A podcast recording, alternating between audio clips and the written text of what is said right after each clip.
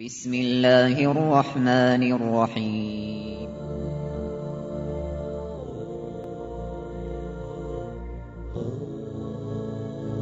الرحمن العزيز الرحيم القوي السلام الكريم العظيم البصير العليم الحكيم الجبار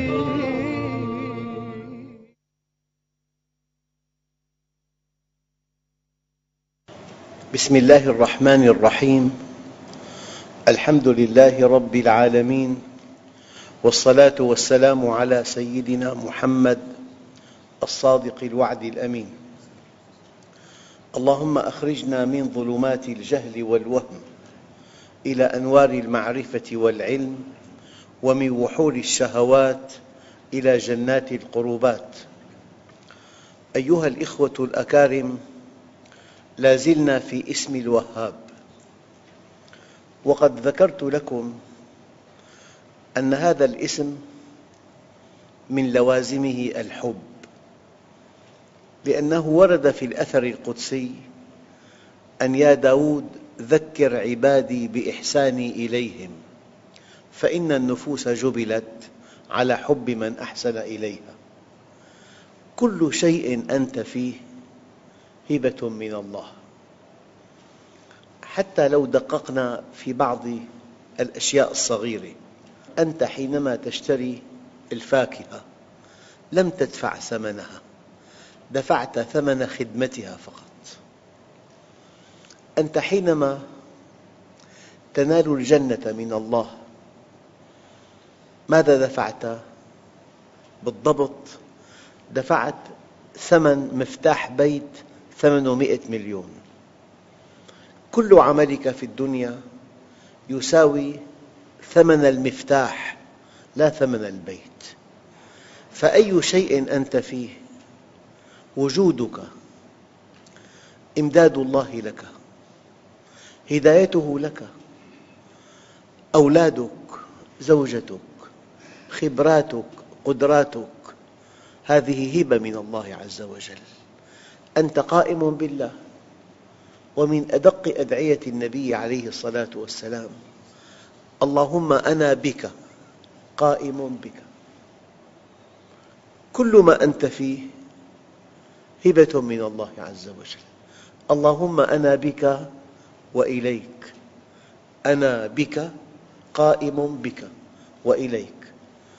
وأي شيء وعدك الله به إنما هو هبة من الله وكلفك أن تدفع ثمناً رمزياً بالضبط بيت ثمنه مئة مليون. دفعت عشر ليرات ثمن المفتاح فقط. كل عملك في الدنيا لا يزيد عن ثمن المفتاح. ادخلوا الجنة برحمتي واقتسموها بأعمالكم. يعني ألم نجعل له عينين؟ الألوان الجمال في الأرض الزوجة الأولاد الورود الرياحين الجبال الخضراء البحار. الأرض جميلة جدا. كل هذا الجمال لولا العين لما أدركته. ألم نجعل له عينين؟ ولسانا وشفتين. تعبر عن حاجاتك عن رغباتك عن مشاعرك عن أفكارك بكلمات. هذه اللغة من فضل الله علينا. الرحمن علم القرآن خلق الإنسان علمه البيان.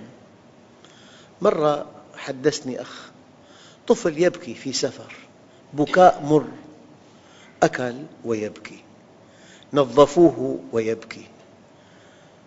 يبكي متألم دبوس عالق بجسمه في بعض ثيابه لأنه لا يملك القدرة على التعبير حار أهله فيه.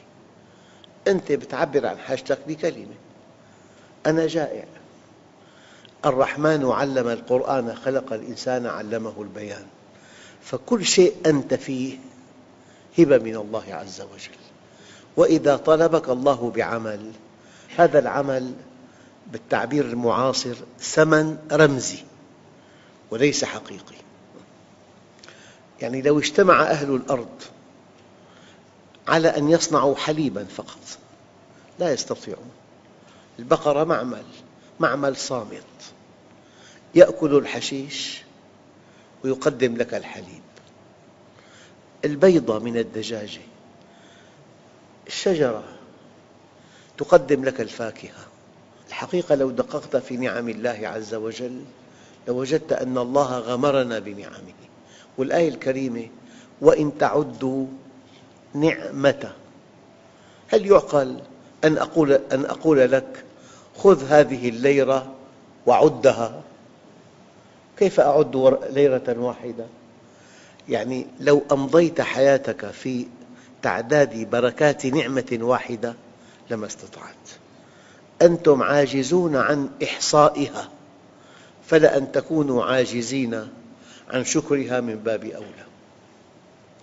أيها الأخوة روى البيهقي في سننه من حديث عائشة رضي الله عنها أن رسول الله صلى الله عليه وسلم قال إن أولادكم هبة الله لكم. هبة الله لكم هدية الله لكم. يهب لمن يشاء إناثا ويهب لمن يشاء الذكور فهم وأموالكم لكم إذا احتجتم إليها. أنت ومالك لأبيك إذا احتجت إلى مال ابنك. ورحم الله والداً أعان ولده على بره. أنت ومالك لأبيك لا يعني أن تأخذ مال ابنك كله لا لا معنى ذلك أنك إذا احتجت فلك أن تأخذ من مال ابنك بقدر حاجتك. هذا هو المعنى الدقيق. الآية الكريمة ووهبنا لداود سليمان. يعني إخواننا الكرام الذي عنده ابن صالح ينبغي أن يقبل الأرض شكراً لله عز وجل. لأنه هبة الله عز وجل. في أبناء يجعلون حياة أهلهم جحيماً لا يطاق. وقد يكون الأب عالماً. يعني حينما ترى ابنك كما تتمنى حينما يكون ابنك قرة عين لك هذه نعمة لا تقدر بثمن. لذلك الابن هبة. يعني الذي عنده ابن صالح ينبغي ألا يكثر من هذه المعلومات. أنه أنا ربيته. أنا تعبت فيه. هذه نتائج جهدي. قل هذه نتائج فضل الله علي. هناك آباء بأعلى درجة من الثقافة والعلم والفهم والتربية وعندهم أولاد أشرار. هذه حقيقة. كلمة ووهبنا له إسحاق. يعني الابن هبة من الله عز وجل. فإذا كان صالحاً فهذه نعمة بالغة. بالمناسبة أيها الأخوة ليست بطولة الإنسان أن ينجو من الابتلاء. الإمام الشافعي سئل ندعو الله يا إمام بالابتلاء أم بالتمكين؟ فقال الإمام الشافعي لن تمكن قبل أن تبتلى. أحسب الناس أن يتركوا أن يقولوا آمنا وهم لا يفتنون. لا بد من أن تمتحن. الامتحان قدرنا جميعاً. إنا كنا مبتلين. فالبطولة لا أن تنجو من الابتلاء ولكن البطولة أن تقف من كل مصيبة موقفاً كاملاً. ومرة ثانية أنت في الدنيا ممتحن. ممتحن في بندين كبيرين. البند الأول فيما أعطاك والبند الثاني فيما سلب منك. الذي أعطيته أنت ممتحن به. أعطيت المال مادة امتحانك عند الله المال. سلبت منك بعض الصحة. هذا الذي سلب منك امتحان آخر. أنت ممتحن فيما أعطاك الله ممتحن فيما زوى عنك. من هنا كان دعاء النبي عليه الصلاة والسلام. اللهم ما رزقتنا مما نحب فاجعله عونا لنا فيما تحب. وما زويت عنا ما نحب فاجعله فراغا لنا فيما تحب. يعني ما منا واحد إلا وفي أشياء تتوق نفسه إليها مكنه الله منها. وفي أشياء تتوق نفسه إليها زواها عنه. فأنت في حالتين حالة الامتحان بما أعطاك وحالة الامتحان بما سلب منك. الآية الكريمة ووهبنا لداود سليمان. نعم العبد إنه أواب ووهبنا له من رحمتنا أخاه هارون نبيا. اللي عنده زوجة هبة من الله. اللي عنده ولد هبة من الله. اللي عنده بنت صالحة تحبه تخدمه هبة من الله. اللي عنده شريك في العمل صالح مستقيم وفي هبة من الله. يعني أي شيء أنت فيه هو في الحقيقة هبة من الله. وأنت ممتحن فيما أعطاك ممتحن فيما زوى عنك. فلما اعتزلهم وما يعبدون من دون الله وهبنا له إسحاق ويعقوب وكلا جعلنا نبيا. أيها الأخوة الحقيقة الأولى أن الأولاد هبة الله لنا. صحتهم. مرة قال لي أخ قال لي إذا الإنسان الله رزقه ابن سليم يعني زوجته ولدت. أنجبت ابنا سليما. هكذا قال لي. قال لي كأن معه مليون ليرة. قلت ماذا تقصد؟ قال لأنه ابن بنتي. نزل إلى الدنيا والوريد بمكان آخر مكان الشريان والشريان مكان الوريد. لا بد من عمل جراحي خلال ساعات. في سوريا ليس هناك مختص بهذه العملية. نقله إلى لبنان. طلب الطبيب 300 ألف والمستشفى 400 ألف. ونقل الطفل من دمشق إلى بيروت 50 ألف. قال لي 750 ألف دفعتهم خلال ساعات. فأن يأتي الابن سليم هبة من الله عز وجل. يعني أي خطأ بالمولود يكلف ملايين. فالأولاد هبة الله صحتهم صلاحهم. ابن صالح ابن بار ابن يطيعك يتأدب معك يحبك حتى مستقبل الابن بيد الله عز وجل. هناك ابن تعتز به وهناك ابن آخر تذوب ألماً حينما يذكر أمامك. أقسم لي أحد الآباء أنه إذا مات ابنه سيقيم احتفال من شدة عقوقه من شدة انحرافه من شدة المتاعب التي سببها لأبيه. أقسم لي بالله لو أنه مات لأقام احتفالا. فاللي عنده ولد صالح. ينبغي أن يزداد لله شكرا ومحبة. الآية قال ربي اغفر لي وهب لي ملكا لا ينبغي لأحد من بعدي. إنك أنت الوهاب. يعني يا رب لا نسألك رد القضاء ولكن نسألك اللطف به. لماذا هذا الدعاء؟ يا ربي اصرف عني هذا البلاء كلياً. إذا أعطى أدهش الله عز وجل. كأن الله عز وجل يعني لا تريد أن تحل المشكلة كلياً. جزئياً يا رب. لماذا جزئياً؟ في أدعية لم يدعو بها النبي, النبي عليه الصلاة والسلام.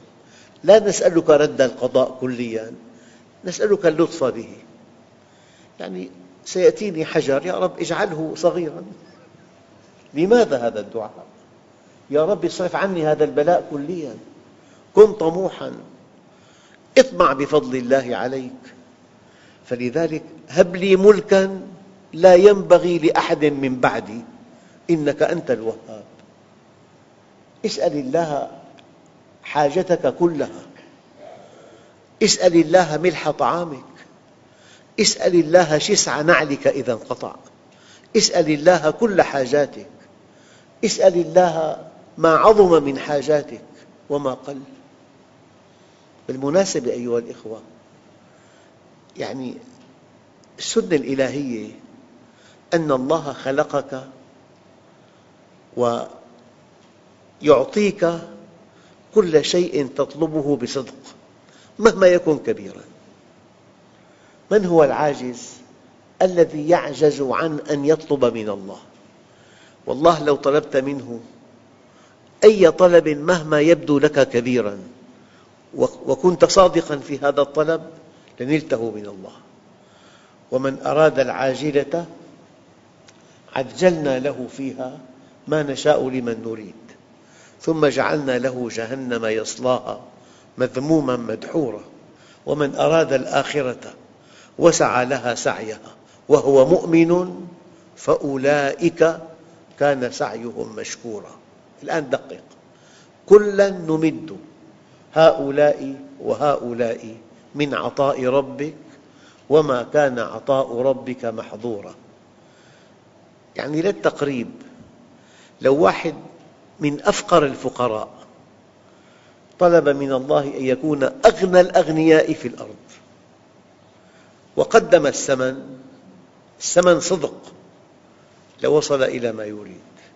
أنا هذا إيماني. الله عز وجل أتاح لك أي شيء تطلبه صادقاً. الآن ما أنت فيه هو صدقك وما لست فيه تمنياتك. ما أنت فيه هو صدقك وما لست فيه تمنياتك. أن طبعا هذا المعنى ينطبق على الدنيا والآخرة. أردت أن تكون أكبر عالم ممكن. والقصة التي أرويها كثيراً يعني إنسان أرسل ابنه إلى الأزهر ليتعلم. بعد خمس سنوات عاد يحمل الشهادة وعين خطيب في قريته. فلما ألقى خطبة أمام أبيه الأمي والد أمي عمره خمسة وخمسين عام. لما ألقى الخطبة أمام أبيه الأمي يعني الأب بكى بكاء مر. كل من حول الأب توهموا أنه بكى فرحاً بابنه. والحقيقة خلاف ذلك. هو بكى أسفاً على نفسه. كيف أمضى حياته في الجهل. أمي جاهل. ركب دابته. هو في صعيد مصر. وبين صعيد مصر وبين القاهرة حوالي ألف كيلومتر. ركب دابته. واتجه نحو القاهرة وبقي يمشي شهراً إلى أن وصل إلى القاهرة. قال أين الأزعر؟ الأزعر لا يحفظ اسمه. قال له ما الأزعر؟ قال مكان التعلم. قال اسمه الأزهر. النتيجة أوصلوه إلى الأزهر. وفي الخامسة والخمسين بدأ في تعلم القراءة والكتابة. وتابع. وما مات إلا شيخ الأزهر في السادسة والتسعين. والله لو كنت بالسبعين بالسبعين. ولا تقرأ ولا تكتب. وطلبت أن تكون أكبر عالم لمكنك الله من هذا. حقيقة خطيرة. جاء بك إلى الدنيا ليعطيك سؤلك بصدق. أصدق في طلب ما تريد. تنل كل ما تريد. كلا نمد هؤلاء وهؤلاء من عطاء ربك وما كان عطاء ربك محظوراً عن أحد يعني. ربنا لا تزغ قلوبنا بعد إذ هديتنا. وهب لنا من لدنك رحمة إنك أنت الوهاب. يعني في دعاء يؤثر تأثيراً في النفس كبيراً. اللهم إنا نعوذ بك من السلب بعد العطاء. تكون تاجر كبير. تضطر إلى أن تتسول يا لطيف. تكون بمكانة عالية إذا أنت وراء القضبان يعني أحياناً من أشد البلايا من أشد المصائب السلب بعد العطاء. اللهم إنا نعوذ بك من السلب بعد العطاء ونعوذ بك من عضال الداء. والله في أمراض تجعل حياة الإنسان جحيماً لا يطاق. نقطة دم لا ترى في العين كرأس الدبوس. إذا تجمدت في أحد أوعية الدماغ شلل فقد ذاكرة فقد حاسة من حواسه اللي عنده زوجة سيئة. ما في حل؟ في حل. الآية. فاستجبنا له ووهبنا له يحيى. خذ هذه الآية على إطلاقها. وأصلحنا له زوجه. الأمر بيد الله عز وجل. اسأل الله أن تكون العلاقة في البيت علاقة طيبة. الله يهبك إياها. هو وهاب لأنه أحياناً يلين قلب الزوجة. تراك كبيراً. تنصاع لأمرك. بعض أئمة القلوب يقولون أعرف مقامي عند ربي من أخلاق زوجتي. فالعلاقة مع الزوجة بيد الله مع الأولاد بيد الله. أحياناً إذا رضي الله عنك يخدمك عدوك. وإذا تخلى عنك يتطاول عليك ابنك. أنا أقول دائماً المسلم بحاجة ماسة إلى درسين بليغين درس بدر ودرس حنين.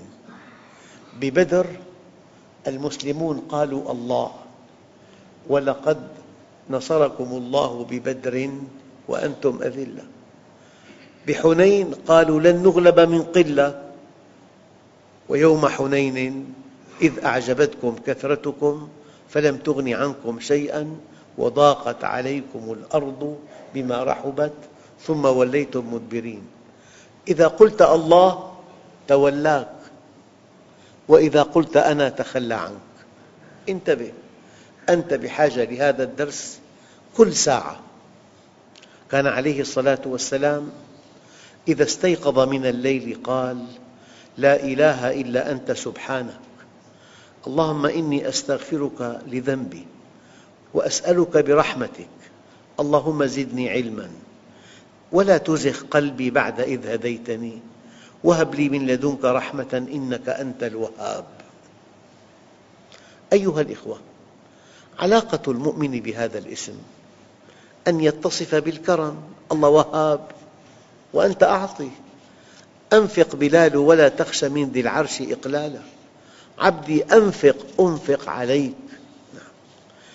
من خصائص المؤمن وقد آمن بالله الوهاب أن يكون كريماً معطاء سخياً. لذلك روى النبي عليه الصلاة والسلام في حديث دقيق لا يحل لأحد أن يهب هبة ثم يرجع فيها إلا من ولده. يعني اشترى له سيارة فإذا هذه السيارة ربما كانت سبب انحرافه فأخذها منه. أما غير الإبن لا يجوز لا يحل لأحد أن يهب هبة ثم يرجع فيها إلا من ولده. فمن فعل ذلك فمثله كمثل الكلب يأكل ثم يقيء ثم يعود في قيئه. والعائد من هبته كالعائد في قيئه. ولله ملك السماوات والأرض. يخلق ما يشاء يهب لمن يشاء إناثاً ويهب لمن يشاء الذكور. قدم البنت تكريماً لها. وأخر الصبي لكن عرفه بأل. طبعاً هذا درس متعلق بآيات كونية.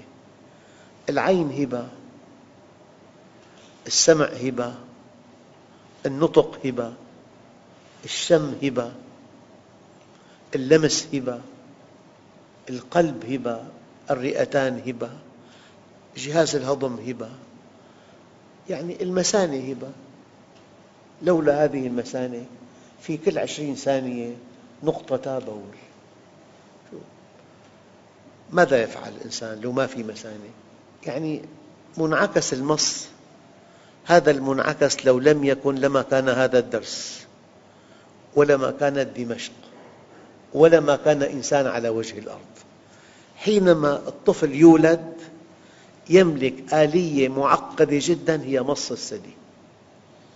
يحكم شفتيه على حلمة ثدي أمه ويسحب الهواء فيأتيه الحليب. ترتيب من؟ أيها الأخوة نحن غارقون في نعم الله. وأية نعمة نألفها؟ لو حجبت عنا لأصبحت حياتنا جحيما لا يطاق. يعني القناة الدمعية قناة دقيقة جدا. تأخذ الدمع الفائض إلى الأنف. مهمة هذا الدمع الفائض من العين أن يرطب الأنف. فأنفك رطب. من أين الرطوبة؟ من القناة الدمعية. أحيانا تسد هذه القناة. فالدمع يسيل على الخد على طول حتى يحفر أخدودا له. تحتاج دائما إلى مسح الدموع الفائضة من عينيك. القناة الدمعية. يعني أي شيء تتصوره سهلا لو ألغي لأصبحت حياة الإنسان جحيما لا يطاق. جحيما لا يطاق. فإذا قلت يا رب لك الحمد أن سلمتني وعافيتني. حتى كان عليه الصلاة والسلام إذا نظر في المرآة يقول اللهم كما حسنت خلقي فحسن خلقي. يعني كامل الخلق. ما في شيء منفر. هذا من نعم الله علينا. أيها الأخوة الكرام إلى اسم آخر إن شاء الله. والحمد لله رب العالمين. بسم الله الرحمن الرحيم. الحمد لله رب العالمين. والصلاة والسلام على سيدنا محمد الصادق الوعد الأمين. اللهم أعطنا ولا تحرمنا. أكرمنا ولا تهنا آثرنا ولا تؤثر علينا أرضنا وارض عنا. وصلى الله على سيدنا محمد النبي الأمي وعلى آله وصحبه وسلم والحمد لله رب العالمين.